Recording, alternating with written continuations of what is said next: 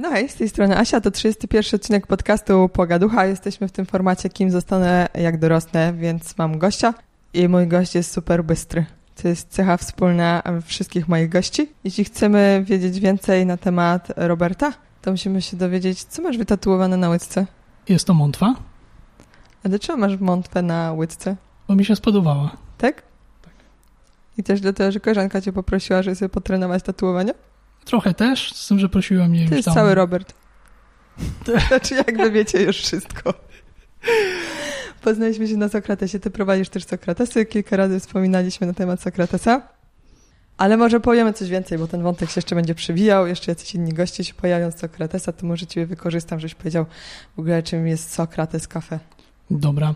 To to jest taka oddolna, powiedzmy, inicjatywa zapoczątkowana przez takiego autora ze Stanów, książki pod tytułem Sokrates Cafe. A nie pamiętam jego imienia, bo nigdy nie pamiętam imion i nazwisk. W każdym razie e, idea polega na tym, mm, to jest powiedzmy taki klub dyskusyjny, z tym, że mm, nie dyskutujemy o książkach ani o filmach, tylko wybieramy sobie tematy spośród tych, które zostały przygotowane i przeniesione przez uczestników danego spotkania. Temat do dyskusji jest zawsze jeden, jest wybierany e, w głosowaniu, znaczy zawsze. Tak naprawdę mm, różne grupy ustalają sobie trochę inne zasady i prawdopodobnie jest jakaś grupa, która dyskutuje więcej, na więcej niż jeden temat. Tematy są wybierane w głosowaniu. Ograniczenie jest takie, że powinny być sformułowane w formie pytania. No i później dyskutujemy przez dwie godziny na ten temat, który został wybrany. Z takich dziwnych rzeczy jest na spotkaniu moderator, zazwyczaj osoba, która to organizuje, i ta osoba pilnuje kolejki zgłaszania się do głosu. To znaczy dbamy o to, żeby ludzie wypowiadali się, żeby każdy mógł się wypowiedzieć i wypowiadamy się zgodnie z kolejnością zgłaszania się. Tam jest też kilka zasad, nie? Że tam nie wchodzimy w polemikę bezpośrednio z kimś, kto się wypowiada, tylko właśnie musimy poczekać na kolejność e, swoją głosu. Tak jest. Chyba, że chcemy adwocem zadać pytanie do jakby takie, żeby dowiedzieć się więcej i lepiej zrozumieć naszego przedmówcę, nie? Tak jest. Dobra. To jest taka inicjatywa dosyć interesująca, więc o niej opowiadam po raz kolejny, bo może w waszych miejscowościach takie są. Poznaliśmy się, to musiało być strasznie, strasznie dawno w Gdańsku i No tak, z 2000 pewnie 9 albo 10. no tak musiało być. To było dawno temu. Tak. I przy okazji tych Sokratesów mówiłeś różne rzeczy, natomiast ty między innymi mówiłeś, wrzucałeś jakiś temat, na przykład nawiązując do jakichś swoich przemyśleń związanych z tym, że studiujesz filozofię. A na innym Sokratesie rzucałeś jakiś temat związany z tym, że studiujesz biotechnologię, Tak. a na kolejnym spotkaniu rzucałeś jakiś temat związany z tym, że studiujesz informatykę, E, Znaczy etyk. na... Co? No powiedzmy tak. Co studiowałeś? Coś z, z cyferkami. Tak jest, że to są takie jakby mm, dwa różne okresy w życiu, a czy tam nawet w porywie do trzech. Mhm. A, to znaczy, pierwsze moje studia to, to biotechnologia i będąc na drugim roku zacząłem również studiować filozofię. Tam skończyłem tylko licencjat tej filozofii. Później po skończeniu filozofii i też biotechnologii wyjechałem sobie do Wielkiej Brytanii studiować y, informatykę, robiąc doktorat z, no powiedzmy tak na pograniczu uczenia maszynowego, sztucznej inteligencji i biologii. Okej. Dobra, ale nie pominęłam żadnych studiów. Nie, to, to, Nic to tyle. nie, przegapiłam. No dobra, pojechałeś, już mnie zaczyna interesować, jak to się stało, że robisz doktorat na czymś, czego nie studiowałeś jakby tak zupełnie, natomiast zacznijmy od początku tym razem. Mhm. Tak raz gości pytam od tyłu, raz od- u ciebie zaczynam od tego, że się urodziłeś i żyłeś. Chodziłeś do szkół różnych, ja nie wiem, gdzie chodziłeś do liceum. No ja w Elblągu cię- żyłem, także Hmm? w Elblągu żyłem, także Elblągu? trzecie liceum ogólnokształcące. W Elblągu. Tak. Tam dożyłeś końca liceum i wtedy przyjechałeś do Trójmiasta? Tak jest. Okej, ale zawsze byłeś takim genialnym dzieckiem, które po prostu wszystko od razu pojmowało i... Nie, nie, nie, nie specjalnie. Mhm. To kiedy ci się to przytrafiło? Uderzył cię piorun, nie wiem, ugryzł cię jakiś taki pająk? To tak nie jest. Ja bym powiedział, że jakby jestem jakby zainteresowany jakimiś rzeczami, a jeśli coś mi nudzi, no to wtedy jest gorzej. Ja generalnie przez gdzieś tam gimnazjum, liceum bardziej to z takich przedmiotów szkolnych najbardziej mnie, y, mnie kręciła biologia i chemia. Fizyka też, natomiast z fizyką zawsze miałem problem z matmą na przykład. A No. w ogóle z matmą była, były tam różne śmieszne historie w stylu na koniec liceum wychodziła mi truja, babka mi naciągnęła na czwórę, bo robiłem jakieś dziwne prezentacje o jakichś dziwnych rzeczach takich dodatkowych na tą matmę. Tak. Gdzieś tam rzutem na taśmę zaliczyłem fuksem totalnym egzaminy na studiach z matmy, właściwie zaliczenia z ćwiczeń. Dzięki temu mogłem studiować tam te dwa kierunki. Także mhm. różne, były, różne były historie. I przyjechałeś do Trójmiasta w takim razie na studia, jak zgaduję, na te pierwsze, na... Na biotechnologię, biotechnologię. tak jest. Na międzyuczelnianym Wydziale Biotechnologii Uniwersytetu Gdańskiego i ówczesnej Akademii Medycznej w Gdańsku, teraz już Gdańskiego Uniwersytetu Medycznego. Co chciałeś robić po tej biotechnologii? Pamiętasz, jaki miałeś pomysł na siebie i na życie? Tak, to znaczy ja chciałem robić badania dalej i wybrałem w sumie ten kierunek z premedytacją, to znaczy e, wiedziałem, że jest to mały wydział, a wiedziałem, że po rozmowach też e, ze studentami, że e, dobrze sobie radzi właśnie pod względem badawczym. I znaczy w ogóle małe wydziały mi się kojarzą z taką przyjemniejszą atmosferą. I wiedziałem również, że po biotechnologii nie ma pracy. Nie przeszkadzało mi to o tyle, że, że wiedziałem, że chcę dalej robić doktorat i dalej robić badania, a z tym problemów jakby, jakby nie ma, że nie ma żadnych firm na rynku, które by zatrudniały biotechnologów. Mhm. Ale skąd miałeś ten pomysł, że będziesz po prostu takim badaczem? To czy w ogóle co chciałeś badać i co chciałeś osiągnąć? Ojejku, to jest dobre pytanie. To znaczy, to jest tak, że te jakby zainteresowania jakieś badawcze gdzieś tam zmieniały się z czasem. Nie wiem, terapie genowe, jakieś tam, nie wiem, badania nad starzeniem się, to są takie mm, no rzeczy, które mają jakiś potencjał, trochę brzmią jak science fiction, więc, więc fajnie jakby, jakby to się dało zrealizować i zrobić. Mhm. Ale chciałeś uczynić człowieka nieśmiertelnym?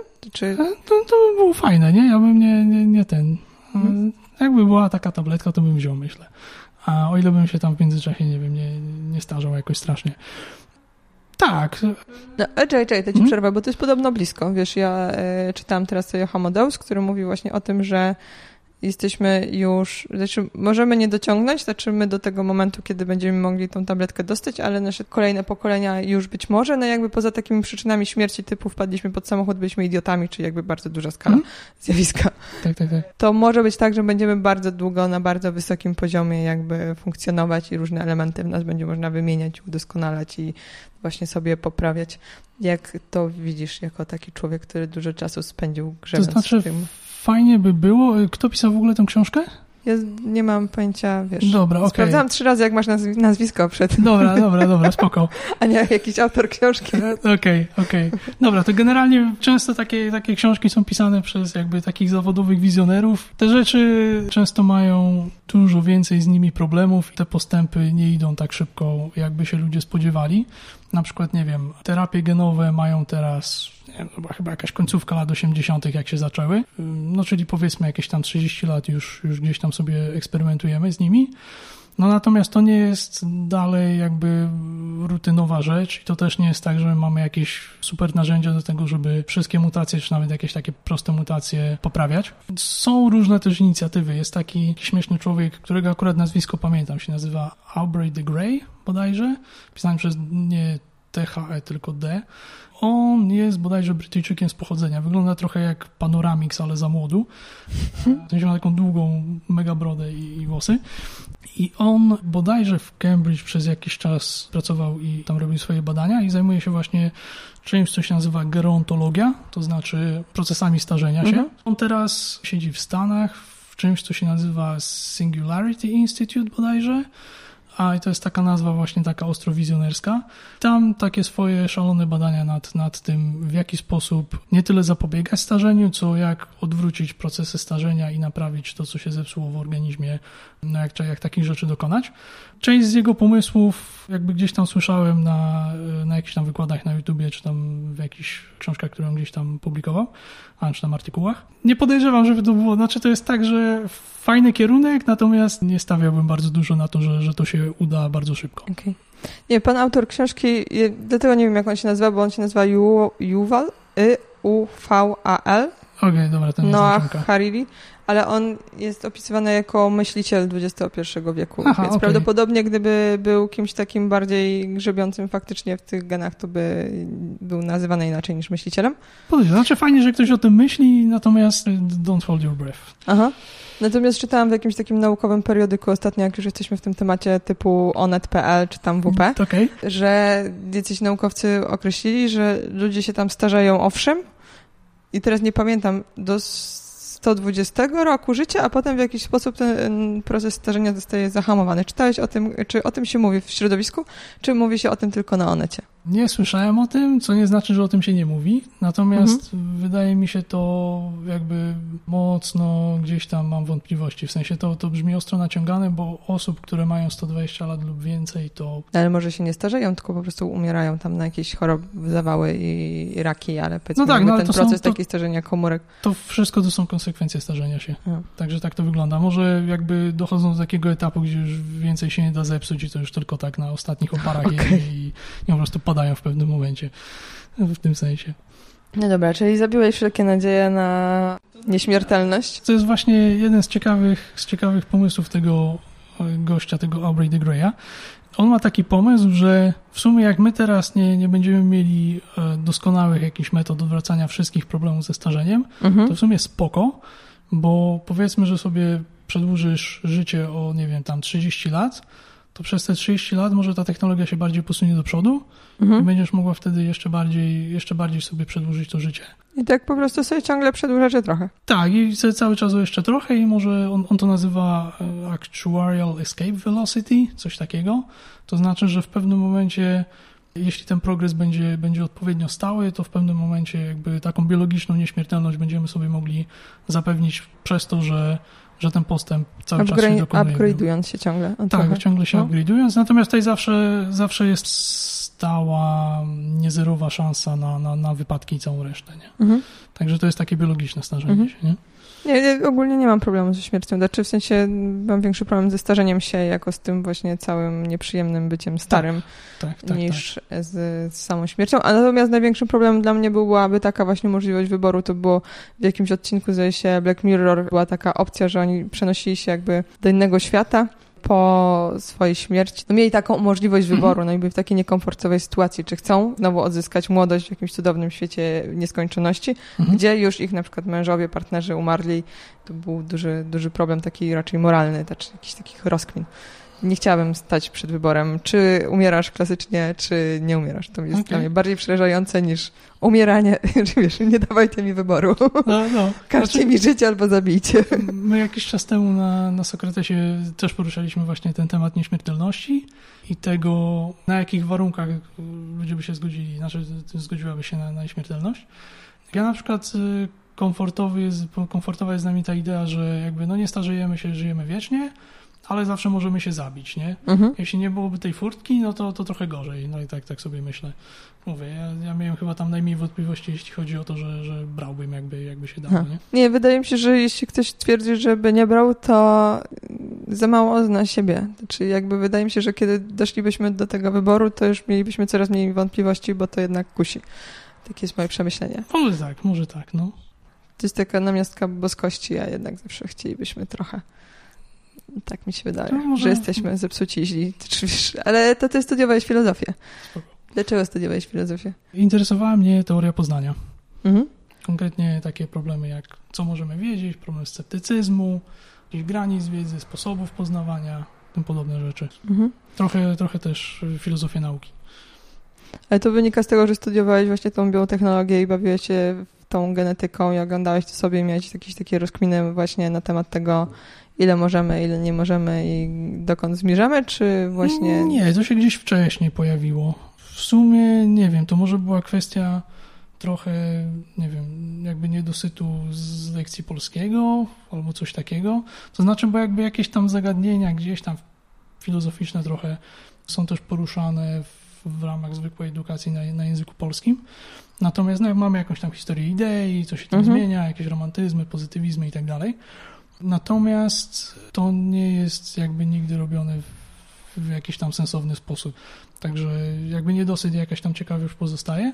Tak naprawdę takich tematów właśnie teoriopoznawczych tam rzadko się pojawiają. Także myślę, że to bardziej wynikało z tego, że byłem zainteresowany ogólnie nauką, ogólnie poznaniem i tak jakoś do tego doszedłem. Pamiętam gdzieś w liceum zacząłem, zacząłem się jakoś tym interesować tak bardziej, że poszedłem do biblioteki, wziąłem jakieś książki. Okazało się, że wziąłem jakieś książki, nie wiem, jedna była jakiegoś zupełnie autora, o którym nikt nie słyszał, a druga była Michaela Deneta bodajże, czy Dameta, który, Dameta chyba, który jest jakby wielkim filozofem obecnym, mhm. takim dwudziestowiecznym, natomiast zrozumieć cokolwiek z tego, co on pisze, to trzeba najpierw pewnie parę lat tam przepracować jakieś dziwne rzeczy. Mhm. No, ale pomimo tego, że się jakby na początku odbiłem, to, to wróciłem do tego.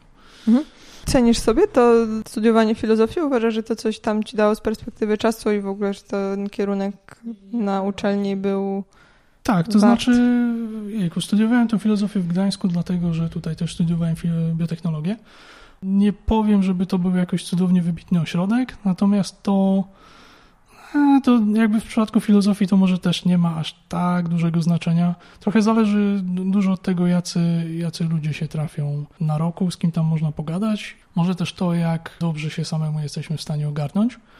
Myślę, że moje studia byłyby dużo mniej wartościowe, gdybym tej filozofii nie studiował. Taki bardzo duży kontrast pomiędzy właśnie biotechnologią, szczególnie na tych późniejszych latach, i filozofią. Na biotechnologii albo sobie wkuwasz jakieś bezsensowne rzeczy na egzaminy, albo robisz rzeczy w laboratorium, które są jakoś tam fajniejsze. No na filozofii tam do wkuwania nie ma właściwie nic, tylko raczej chodzi o to, żeby zrozumieć czyjś powiedzmy, nie wiem, sposób rozumienia świata, czyjeś teorie, czyjąś argumentację. Może też to, w jaki sposób te teorie się pojawiły, to znaczy z jakimi innymi teoriami one dyskutują i jakie problemy rozwiązują. To jest właśnie jakieś, nie wiem, jakieś rozumienie, to jest to, co, co bardziej chyba na studiach powinno się robić, natomiast ze względu na to, że, że trzeba, nie wiem, wykładowcy muszą wykładać i z wykładów muszą być egzaminy, na tych egzaminach ktoś musi być, więc dajmy ludziom do nauczenia się czegoś, więc Mhm. no i potem tak to, tak to słabo wygląda. Jaki ty miałeś pomysł, biorąc pod uwagę, wiesz, wymyśliłeś sobie, że idziesz na biotechnologię, bo ci to kręci i będziesz robił badania, wiesz, dla biotechnologów nie ma pieniędzy, ale badania sobie można robić i ty zostaniesz na doktoracie, czy tam w jakiś sposób Tak. się będziesz rozwijał. Na doktoracie się nie dostaje milionów złotych.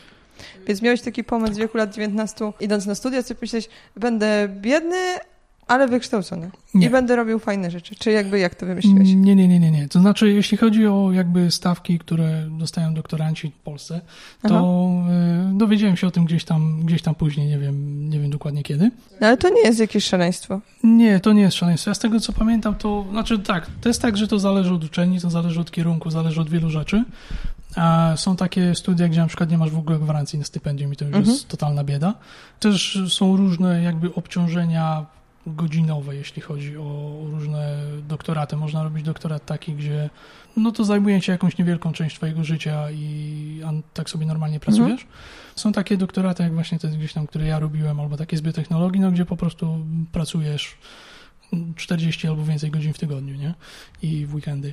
Także to trochę zależy od tego. Z tego co pamiętam, gdzieś tam za moich czasów, to było jakiś czas temu, stawki, o których się mówiło u nas, to było chyba coś około 1200 zł na rękę i w tym już był dodatek za szkodliwe warunki pracy.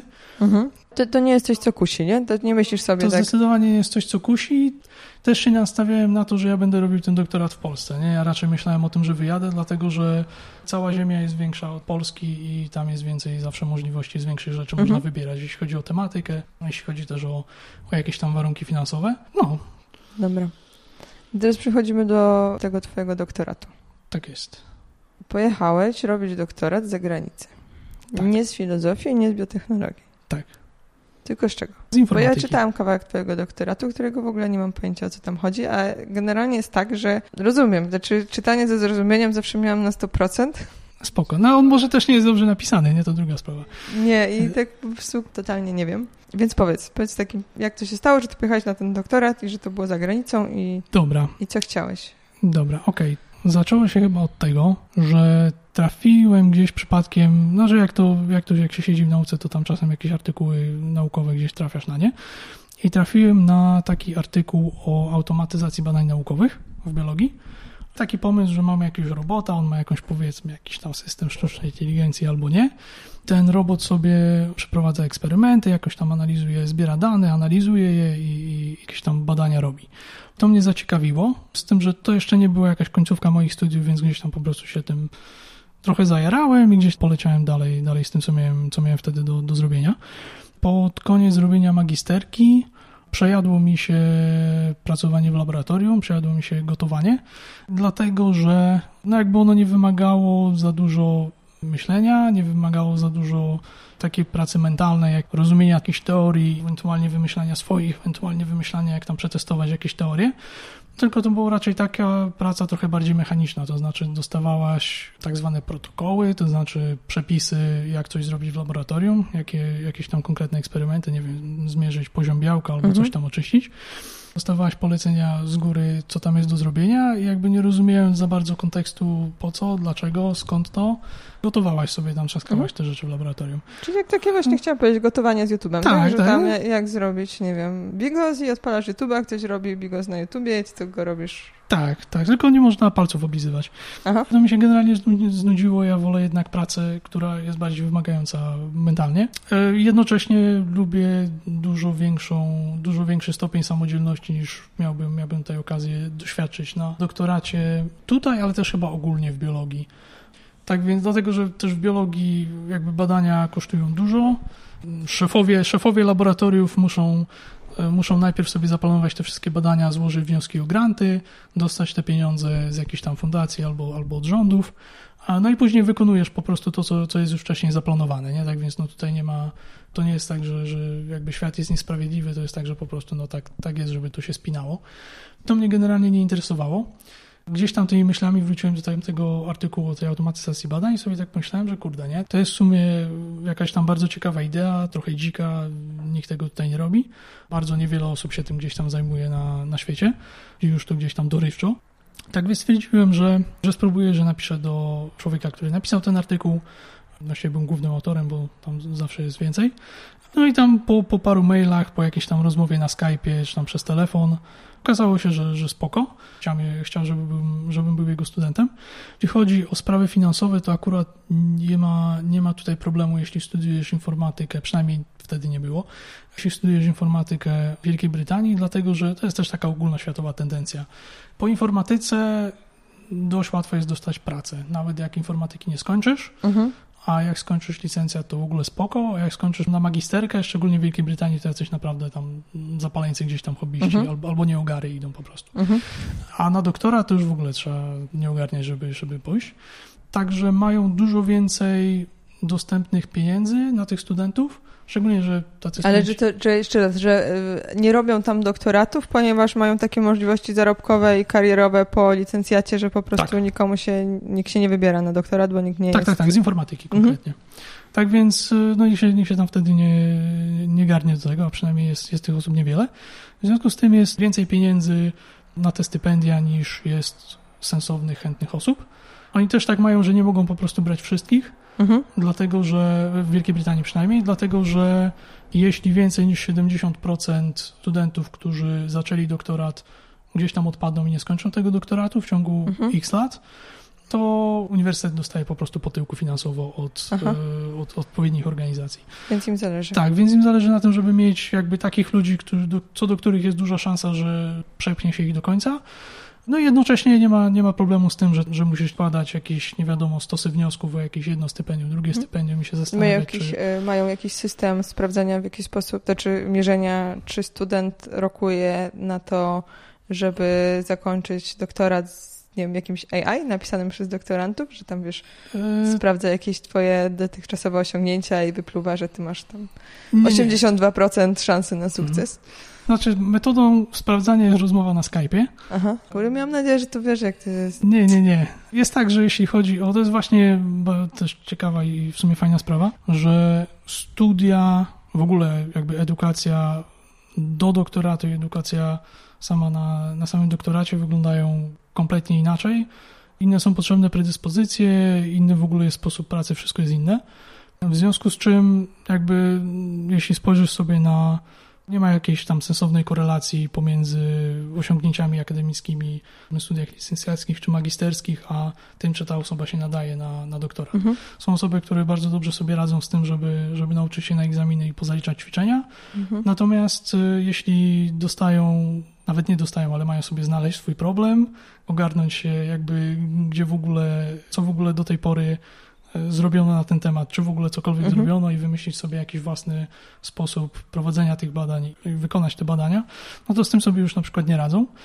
I jedna, jedno chyba z bardziej sensownych rzeczy, o które się można na takim Skype'ie zapytać, na takim wywiadzie, jest to, po co ta osoba chce iść na doktorat. I to myślę, że odsieje sporą część ludzi. Mhm. To co A mówić? Trzeba mówić szczerze. Zakładając, że w końcu się obronię i będę mogła robić tak. dalej studia. Ja, ja, myślę, ja myślę, że trzeba odpowiadać szczerze, dlatego że, dlatego że jeśli się tam skłamie, to się w sumie samemu strzela w sobie w stopę bo dostajesz się potem na program, który trwa powiedzmy w Wielkiej Brytanii akurat 3 lata, nie? Ale powiedzmy Aha. gdzieś w Stanach 7, w Polsce nie wiem, może 4, różnie to jest. No i masz te dużo lat zmarnowanych z życia po prostu, nie? Mhm. Natomiast to, co ja powiedziałem, to powiedziałem, że idę na ten doktorat, bo chcę robić badania i żeby robić badania, potrzebujesz doktoratu. Mhm. Tak to było tyle. Prawdopodobnie mi to pomogło, że skontaktowałem się wcześniej z tą promotorem, z tą osobą, która, e, pod którą opieką chciałem robić doktorat. Jakby już widać było jakąś to moją inicjatywę i ogarnięcie. Napisałem też samodzielnie swój research proposal, czy taką propozycję badań. No i dodam zawsze jakoś tam punktuje, nie? Fajnie było to w ogóle, że, że nie musiałem w żaden sposób osobno zajmować się też tymi stypendiami, tymi sprawami finansowymi, to jakby się z automatu wszystko naraz działo samo. Tylko dostawałem mhm. potem maile, czy mnie przyjęli, czy nie przyjęli, czy dostałem stypendium, czy nie dostałem stypendium i to jest tyle. I ile czasu tam spędziłeś? Trzy lata. Tak? Gdzie trzy lata tam siedziałeś? Trzy lata siedziałem w Manchesterze. O, mi minęło jak tak, tak. No generalnie. Nie było cię, nie było cię, byłeś. Tak, to znaczy ja też przyjeżdżałem co jakiś czas i wpadałem na Sokratesa, Aha. także. No tak, tak było. Ty jak wspominasz ten czas za granicą, że wiesz, jesteś tam wyrzucony niczym, wiesz, rozbitek na tak, wyspie jest, i tak, musiałeś się odnaleźć? To jest ciekawe pytanie. To znaczy, na pewno ja, ja mam takie trochę pracoholistyczne tendencje, tak więc akurat doktorat jest bardzo spoko pod tym kątem, bo się można wyżyć. Mhm. To mi jak najbardziej odpowiadało.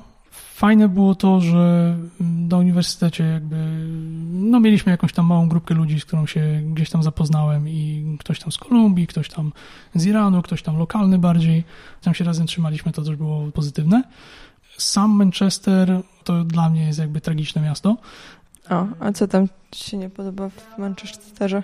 Znaczy, zdarza się, nie zdarza. Ja nie lubię dużych miast po prostu, a Manchester to jest taka najgorsza wersja dużego miasta. To jest takie poprzemysłowe duże miasto, taka plama z betonu i z, z, nie wiem, z jakichś cegieł i z asfaltu. Są jakieś tam parki, ale tej zieleni nie ma tak dużo. No jestem bardziej przyzwyczajony do czegoś takiego, co mamy tutaj w Trójmieście, czyli gdzieś tam park krajobrazowy za mhm. rzut kamieniem, tam otworzysz okno, widzisz lasy i tak dalej, nie? To jest dużo, du, dużo przyjemniejsze, dużo lepiej się czuje mentalnie w takich rejonach. Ale właśnie towarzysko, jeśli, no bo wiadomo, że przez trzy lata to jednak nie wystarczy, że co jakiś czas będziemy przyjeżdżać do Trójmiasta, iść na Sokratesa i jakby sobie rozmawiać na temat mhm. E, zagadnień filozoficznych. Łatwo jest ogarnąć taką grupę wsparcia, no właśnie jeśli jesteśmy jeszcze zajarani tą robotą, niekoniecznie chodzi nam o to, żeby tam znaleźć kogoś, z kim się będziemy mogli napróć, no bo to jakby zazwyczaj się udaje. Mhm. No, szczególnie w Manchesterze. Tak mi się wydaje, że jakby nie ma lepszego miasta, żeby wpaść w alkoholizm. Podejrzewam, że tak. Nie, no z tym nie ma problemu, szczególnie, że jakby, no, jakby mówisz, że jesteś rozbitkiem, to nie jesteś tam sama rozbitkiem, jest dużo innych rozbitków, e, więc pod tym kątem jest, jest naprawdę bardzo spoko, nie? Jakby wszystkie osoby, które są na tym uniwersytecie, na tym twoim tym programie, są w bardzo podobnej sytuacji, jeśli przyjeżdżają z zagranicy. Także z nimi jest bardzo łatwo nawiązać jakiś, jakąś nić porozumienia, jakiś kontakt. Mhm. To nie jest duży problem. Też nie było jakichś większych problemów e, z lokalsami, którzy też studiowali, robili te doktoraty. No i też jest tak, że jakby pomimo tego, że praca na doktoracie to jest głównie samodzielna praca swoim projektem badawczym, to mimo tego mieliśmy tam jakieś bazę trzy kursy, które robiliśmy razem, razem po prostu wszyscy, więc była okazja do tego, żeby się poznać. Mhm. Tylko umiejętność do samodzielnej, długotrwałej i wytrwałej pracy którą posiadasz, skoro zrobiłeś ten doktorat 3 lata, bo ja po trzech miesiącach bym się rozproszyła i zapomniała, bo wiesz, o Manchester i Olo, nie? Prawdopodobnie, chyba, że odkryłabym jakąś swoją inną naturę skłonną do siedzenia godzinami i dłubania w tematach. No potrzebny jest masochizm, to jest taki Aha. magiczny składnik. Okej, okay. szukałam tego magicznego składnika. Ty od zawsze tak miałeś, że umiałeś po prostu, jak cię coś kręci, to właśnie sobie pójdę do biblioteki, wypożyczę książki o filozofii, będę siedział, czytał, albo czy to jest taka umiejętność, której też nabyłeś, w jakiś sposób sobie wyszkoliłeś? Chyba nie, to znaczy jak mnie coś kręciło, to, to generalnie umiałem się w tym jakoś, jakoś zagubić. Także myślę, że, że to raczej gdzieś tam, nie wiem, nie, to, to, to nie jest coś, co pojawiło się jakoś późno w moim życiu. No ale nie da się takiego flow utrzymać przez trzy lata, bo jakby we flow jesteś, wpadasz, wypadasz, jakby to... To jest właśnie wtedy ten masochizm jest potrzebny. Albo, nie wiem, rozbijanie na jakieś podprojekty albo coś takiego. To Jest tak, jest generalnie dużo książek napisanych o robieniu doktoratów, a wbrew pozorom. Czy ludzie go piszą podczas doktoratu, żeby nie pisać doktoratu? Może taka jakaś jest, natomiast są też takie, które są pisane po Aha. doktoracie gdzieś tam mm, przez ludzi w akademii. Przynajmniej jeśli chodzi o trzyletnie y, tryby robienia doktoratu, to jest taki gdzieś mniej więcej konsensus, że gdzieś depresja cię dopadnie gdzieś mniej więcej na drugim roku. Mhm. No to jest, to jest tak, że, że jakby tam no, super łatwo to raczej nie jest, no ale to, to, da się, to da się wszystko przeżyć. Są różne, w zależności od tego, jakie masz, jakie masz do końca układy ze swoim promotorem i gdzieś tam na, na uczelni, skąd są pieniądze i tak dalej, twoja praca może być jakby mniej lub bardziej samodzielna, to znaczy może być tak, że no, pracujesz nad swoimi rzeczami samodzielnie, natomiast mogą być częścią większej całości. Więc mhm. jest też może ten taki element odpowiedzialności za to, że musisz jakby dostarczyć jakieś elementy, jakieś wyniki, żeby ktoś inny mógł zrobić swoją robotę. Mhm. Albo żeby można było publikować wspólnie jakąś pracę. Także to też może, może tam komuś pomóc, motywować się do tego, żeby, e, żeby pracować. Miałam, wiesz, miałam nadzieję, że opracowałeś, może masz jakiś magiczny trik, nie? Że właśnie a, rozpisuję zadania na podprojekty i potem robię je w kolejności alfabetycznej i to pozwala mi pisać doktoraty. Nie, to, to też jest tak, że jakby nie da się szczegółowo tego zaplanować na jakiś gdzieś tam dłuższy okres czasu, dlatego że to co chwila po prostu wyłaniają się jakieś nowe problemy, nie? I, mhm. i to jest to. Nie, natomiast no też jest tak, że jakby to standardowa, standardowa rzecz na, w, w przerobieniu badań to, to są po prostu ciągłe porażki. Akurat w, w moim przypadku nie jest tak źle, dlatego że jakby wiedziałem wchodząc tam, że dobra, ten system może będzie działał tak, może będzie działał trochę słabiej, natomiast działający system jestem w stanie zrobić, bo on tam sobie działa w jakimś symulowanym środowisku i tak dalej. Nie? Jak to odpowiednio zidealizujesz, to to po prostu będzie działać. Natomiast e, jeśli robisz badania w takiej czystej biologii, albo na przykład jeśli robisz takie badania, jak robili moi znajomi na informatyce, natomiast oni się zajmowali tak zwanymi metodami formalnymi, to znaczy to jest powiedzmy matma po prostu, mhm. no to jest tak, że możesz pracować Czyli na przykład... matma ci może nie wyjść i trzy lata pracujesz nad matmą i mówisz, e, matematyka tak nie działa. To sobie, to sobie raczej rozpisujesz na takie e, jakby trzy miesięczne, powiedzmy półroczne zrywy, projekty, cokolwiek, próbujesz na przykład sobie coś, dowód do jakiegoś twierdzenia mhm. trzasnąć, no i po trzech miesiącach okazuje się, że do niczego nie doszłaś, nie? Ani, ani nie udowodniłaś, ani nie mhm. udowodniłaś, że się nie da udowodnić, bo jakby się udowodniła, że się nie da udowodnić, to super wynik jest. W biologii tak samo, nie? Możesz robić jakieś eksperymenty, eksperymenty, eksperymenty. Okay. Czyli gdzieś tam nie udowodnisz, że to nie, nie jest działa, prawda, ani nie udowodnisz, tak, że to tak, jest... Tak, tak, że, że, tak. Po trzech latach stwierdzam dalej, nic nie wiadomo. Tak, tak o, więc, cudowne. znaczy, no właśnie w matematyce, w biologii często robisz tak, że mm, próbujesz sobie e, zwiększyć to prawdopodobieństwo sukcesu, raz korzystając z wiedzy i doświadczenia po prostu ludzi, mhm. którzy gdzieś tam jakoś cię prowadzą, ale również e, właśnie rozbijając sobie rzeczy na takie trochę mniejsze projekty i po prostu zabijasz te projekty, jak, jak nie przynoszą rezultatów. Możesz robić po prostu kilka rzeczy naraz, nie? Czyli naraz sobie po prostu ciągniesz za dwa, trzy projekty, a jak któryś z nich e, jakoś trochę gorzej idzie, no to więcej czasu spędzasz nad tymi, które idą jakoś lepiej, nie? I w tym momencie mhm. masz większe prawdopodobieństwo, że do czegoś dojdziesz. I twój doktorat w końcu, jeszcze raz, jakbyś powiedział, e, co, co ty wydoktoryzowałeś? To jest taki system sztucznej inteligencji, który służy do tego, żeby badać metabolizm i on sobie bierze hipotetyczne modele metabolizmu, to znaczy modele po prostu opisujące, jakie reakcje zachodzą w komórkach czy w ciele i następnie wymyśla, jakie, jakie eksperymenty można by było wykonać, żeby przetestować te modele. Ja sobie tam symulowałem akurat te eksperymenty, można sobie wyobrazić, mhm. że jakiś tam robot je robi. Później system zbiera wyniki tych eksperymentów, sprawdza spójność istniejących modeli z tymi, z tymi wynikami, poprawia te, które są niespójne, no i zaczyna się następny cykl testowania i, i poprawiania. No i tak po iluś tam iteracjach zbliżamy się do takiego wzorcowego modelu, który służy nam do generowania tych eksperymentów. Okej, okay. i to się nam może przydawać w jakichś sytuacjach? Byłoby fajnie na przykład to właśnie zaaplikować w takiej podstawowej biologii, żeby modele biologiczne sobie w sposób zautomatyzowany rozwijać, dlatego że jest to, znaczy my to wszystko robimy teraz, z tym, że robimy to ręcznie, Aha. to znaczy siedzą sobie studenci i pipetują i ewentualnie coś tam profesorowie to do kupy zbierają, coś bioinformatycy teraz bardziej. Natomiast jeśli to by się dało usprawnić, przyspieszyć, no to by było super. Jest tak, że jakby czas to jest jedna rzecz, Druga rzecz to jest, to są takie głupie rzeczy trochę jak objętości reagentów, na których się pracuje i w ogóle rozmiar tych eksperymentów. Mhm. Im większy ten eksperyment, tym drożej powiedzmy kosztuje, a dzięki robotom możesz sobie robić eksperymenty gdzieś tam w jakichś objętościach w stylu nanolitry. Tak więc to jest wtedy tańsze też co tam jeszcze? Studenci się mylą, w ogóle ludzie się mylą, tak więc łatwiej, mm. łatwiej chyba tam z robotami, łatwiej, żeby, żeby robot się nie pomylił chyba. No i tak, no i to jest powiedzmy, jakby ja pracowałem na metabolizmie, ale jest dużo innych biologicznych modeli, które rozwijamy. Są modele ekspresji genów, tego w jakie interakcje białka ze sobą wchodzą, w stylu modele starzenia się i tym podobne rzeczy. To, to, wszystko, się, to wszystko się ze sobą wiąże. Jakby to się wszystko dało mhm. zautomatyzować, to by było y, dużo fajniej. Okay. Myśmy oszczędzali dużo czasu i dużo pieniędzy. Tak, no badania byłyby tańsze i, i szybsze, w związku z czym większa szansa na te jakieś tam tabletki na nieśmiertelność i jakieś tam okay. leki na raka i całą tą resztę. Dobra, a y, potem wróciłeś tu i, i mieszkałeś w fajnym miejscu. Mi się strasznie podobało to miejsce, to jeszcze można mu powiedzieć o miejscu, w którym mieszkałeś, okay, bo dobra. myślę, że y, ludzie się mogą czasem zastanawiać, czy sobie w takim miejscu zamieszkać, czy nie zamieszkać. Dobra, to wróciłem w sumie y, w ramach łączenia tych wątków, y, dlatego, że mi się stypendium skończyło, bo po trzech latach się kończyło i musiałem jeszcze ten doktorat dokończyć, więc nie było jakby sensu siedzieć w Wielkiej Brytanii, jeśli mi za to nie płacą, bo no tam koszty życia są jakie są, a w Polsce są tańsze. Chciałem mieszkać w Gdańsku, dlatego że e, jakby tu studiowałem, a jakbym jakby mieszkał w rodzinnym mieście, to myślę, że bym zwariował.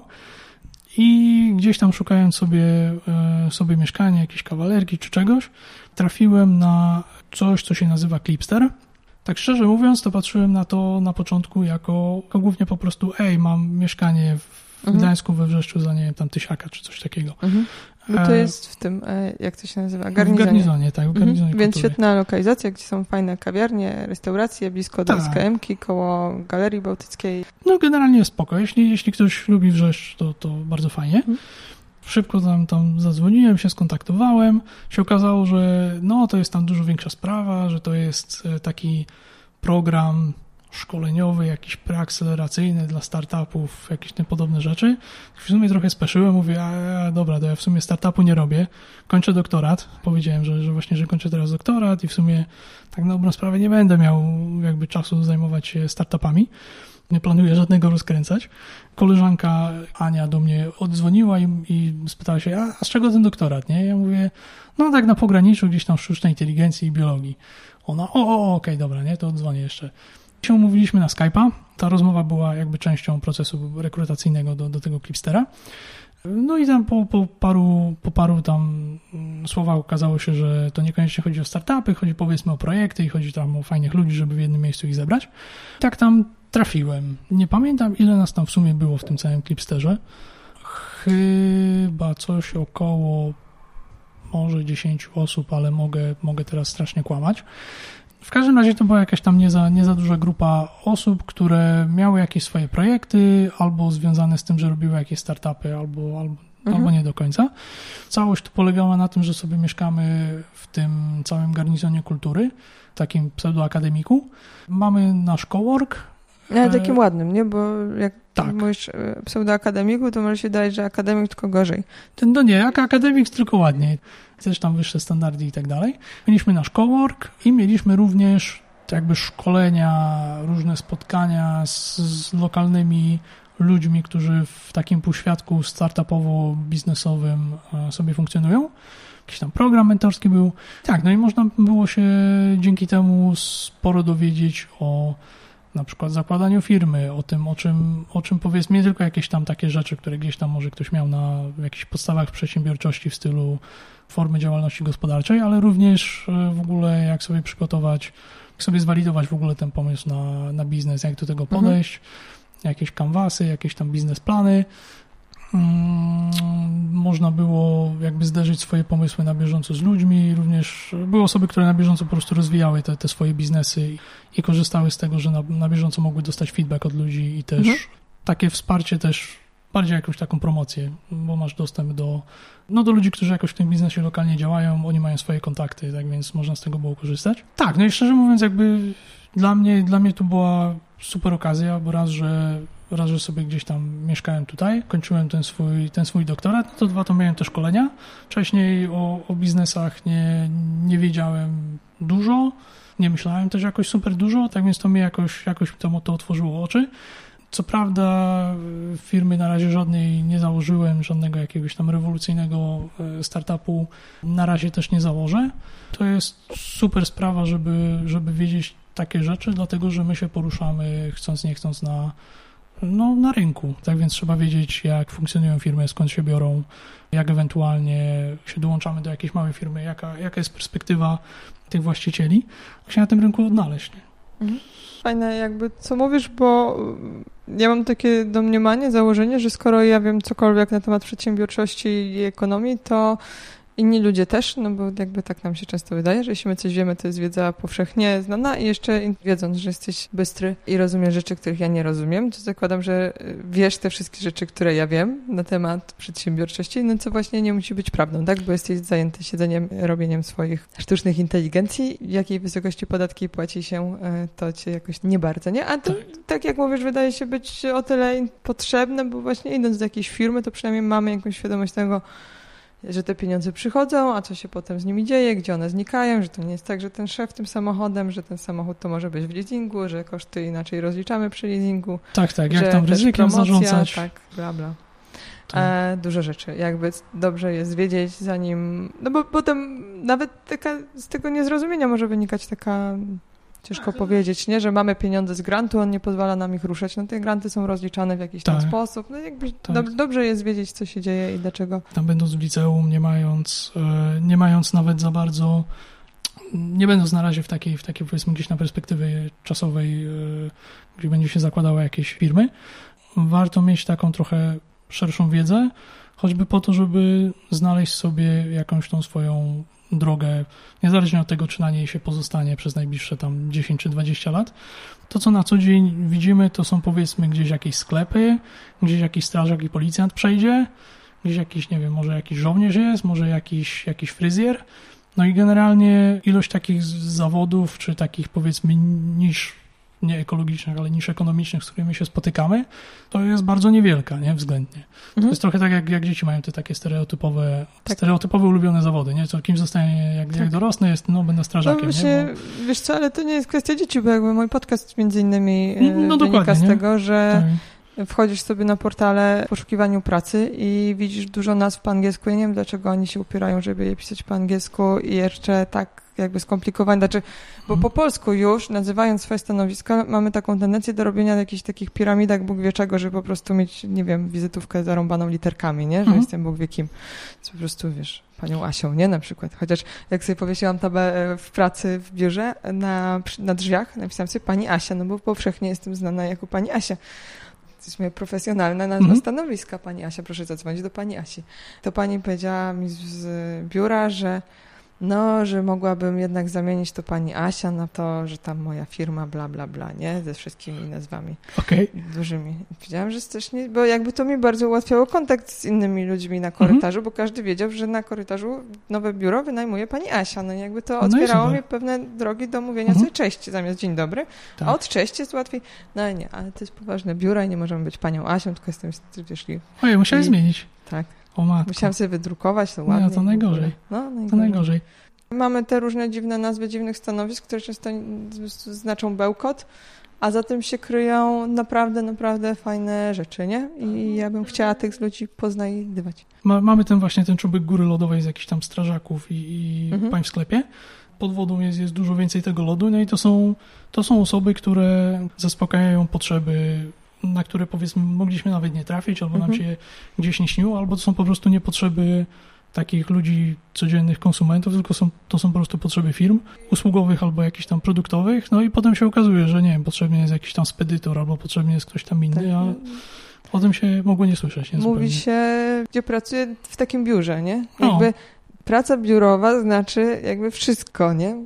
Tak. Poza byciem, nie wiem, rolnikiem, mhm. a propos rolników i krów co Tak. robiłeś po tym doktoracie? Jakby po co ta cała droga? A, okej, dobra. Już, już tak na koniec, tak szybciutko. Jakby, bo jeśli się zastanawiacie, po co to wszystko robisz, to przychodzimy do krów i obserwowania krów. Tak, to obecnie jakby po doktoracie złapałem pracę w takim małym startupie, który tworzy produkt, który się nazywa Estado. To nie jest hiszpańskiego, to, to po polsku. Ten produkt to są czujniki, które montują się krową. Dzięki zamontowaniu tych czujników możemy sobie na bieżąco sczytywać dane z tych krów i monitorować, co się z tymi krowami dzieje. To znaczy na przykład, czy, czy jedzą, ile jedzą, jaką temperaturę mają, czy są jakieś tam chore, czy nie są chore, ile się ruszają. No i właśnie, no i to, są, to, to jest właśnie przykład takich dziwnych rzeczy, który, na które się okazuje, że jakieś tam zapotrzebowanie jest.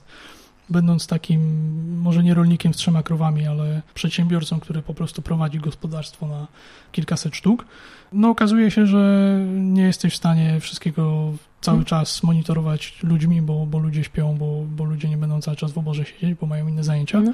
albo po prostu byliby zbyt drodzy. Nie zauważam też, że 248 krowa wydaje Tak. się być trochę nie w humorze, nie? A Tak, taki tak czujnik, czujnik ci sczytuje to. No, no, że tam tak. ma gorączkę, tak? Czy coś? Tak, takie czujniki jakoś to automatyzują. Mhm. Dobra, a dokąd zmierzasz? Tego nie wiem. Okej. Ale jest coś takiego, co jeszcze chciałbyś zrobić? Bo wiesz, jakby doszedłeś do tego wszystkiego, że chciałbyś ten doktorat i będziesz chciał robić badania, Tak. a jakby... To jest dobry temat. To znaczy, ja nie wiem, czy, czy ja mam jakiś tam super kierunek taki jasny w życiu, gdzieś tam kariera rozpisana. Kręcę się w tej analizie danych, jakimś tam coś, co się nazywa data science teraz, co nie jest zbyt szczęśliwą nazwą i uczeniem i tak, i zajmuję się też uczeniem maszynowym i zamierzam się dalej w tym kierunku rozwijać, dlatego że jakby popyt na to jest, popyt raczej będzie rosnął i kasa z tego jest ok. Gdzieś tam na boku jakoś tej biotechnologii nie rzuciłem sobie, trochę czytam o, o tych terapiach genowych. Ostatnio gdzieś tam coś tam projektuję, zobaczymy co z tego wyjdzie. Mam taką ambicję, żeby, żeby gdzieś tam może się trochę robotyką zająć gdzieś na boku w ramach jakiegoś hobby powiedzmy. Fińskiego się też uczę. Na razie, na razie właśnie skupiam się na tym, żeby się trochę lepiej obtrzaskać z tym uczeniem maszynowym, gdzieś tam jakoś, jakoś swoje dalej te, te umiejętności rozwijać. No i dalej, dalej się, się okaże, co się stanie, nie? Mhm. To też trzeba reagować na to, jak się będzie sytuacja, nie wiem, gdzieś tam na rynku zmieniała, albo w moim życiu, albo, albo cokolwiek, nie? Okej. Żebyś się mógł e, lepiej poduczyć fińskiego, to zawsze ci może pomóc Grzegorz, który był gdzieś w okolicy odcinka 15 i jest teraz architektem w Szwecji, ale wybornie mówił po szwedzku. O, A jakbyś chciał podróżować po naszych pięknych lasach, co też lubisz, tudzież e, norweskich, to wprowadziłeś się dzisiaj e, do naszego sąsiedztwa, w tak którym jest. mieszka też Adam, który był poprzednim, nie poprzednim, tylko jeszcze wcześniejszym gościem, O, kim zostanę jak dorosnę. Mieszka po drugiej stronie ulicy, on jeździ na tej deskorolce i też bardzo często podróżuje sobie w tę Iwową. A, tak, słuchałem odcinka. Jakie swoje, słuchałeś Adama, no to, Tak. on, to on jest twoim sąsiadem teraz No, no też. proszę. No. Dobra, Ode mnie pożyca sztućce, nie dawaj mu sztućców, bo potem nie oddaje. dobra, dobra. Czy zachowaj sobie przynajmniej jedną łyżkę, Dobra, potem wiesz, dobra. taki smart tip for today. Dziękuję ci bardzo. Dobra, dzięki wielkie.